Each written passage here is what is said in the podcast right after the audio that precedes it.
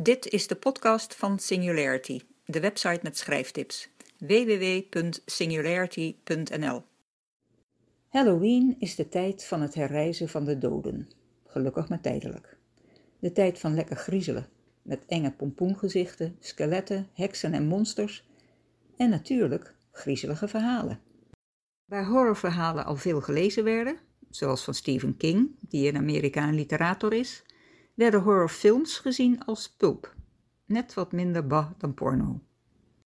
Maar arthousefilms en commerciële genrefilms kruipen steeds dichter naar elkaar toe, en dat geldt het meest voor horror. Tegenwoordig zijn horrorfilms hip en salonveeg. Dat komt ook omdat de huidige horrorfilm zelden slagerswerk is met liters bloed en rondvliegende ledematen en minder van dik hout zaagt men planken in het oproepen van angsten.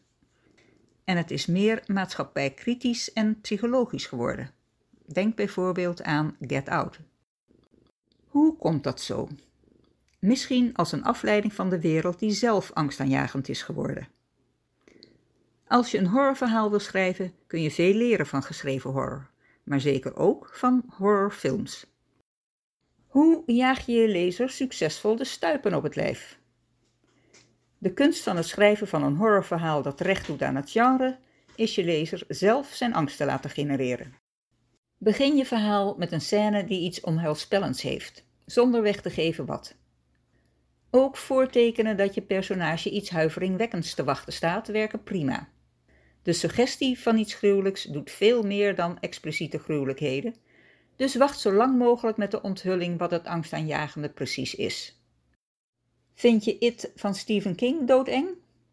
Dat komt doordat de atmosfeer bezwangerd is met het sinistere gevoel dat er iets ernstig mis is, terwijl je maar weinig concreets weet. Daarom vult je brein dat zelf in, en dat is veel griezeliger dan als je meteen al weet wat er aan de hand is. Voer je lezer dus brokjes informatie, zodat hij zelf zijn fantasie moet gebruiken. Niets beters dan dat om angst op te wekken.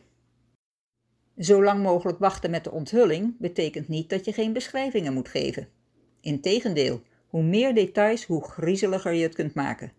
Want daarmee voorzie je de angstige fantasie van je lezer met de nodige ingrediënten. Neem bijvoorbeeld een verlaten huis waar je personage op zoek gaat naar iets of iemand. Beschrijf de afbrokkelende stenen muren en de knarsend heen en weer zwaaiende kapotte ramen aan de buitenkant. En binnen deuren die zomaar langzaam piepend opengaan, de stoffige stapels occulte boeken waar geluid uit lijkt te komen, ratten die knagen aan iets ondefinieerbaars. Is het een lijk? Als je personage nader wil kijken, stapt hij op een plank die het krakend begeeft. Enzovoort. Alfred Hitchcock was goed in psychologische horror. Denk aan Psycho, The Birds en Rebecca, gebaseerd op het spannende boek van Daphne du Maurier. Ook hij stelde de onthulling zo lang mogelijk uit. Weet je het nog, tegen het einde van Psycho? De moeder van die enge Norman Bates? Brrr. Nog een tip van hem voor een geslaagd horrorverhaal. Zorg ervoor dat je lezer met je personages die ertoe doen, zoals de protagonist, zoveel mogelijk empathie voelt. En dompel die dan in de grootst mogelijke narigheid. Voor je lezer voelt dat aan of het hem zelf overkomt. Zelf lekker griezelen tijdens Halloween? In het artikel op de website vind je een linkje naar griezelverhalen van twee zinnen. Ik ben aan het einde gekomen van deze podcast. Lekker griezelen gewenst. Oh ja, vond je het leuk? Heb je er wat aan? Maak me dan blij door het te delen. Dankjewel.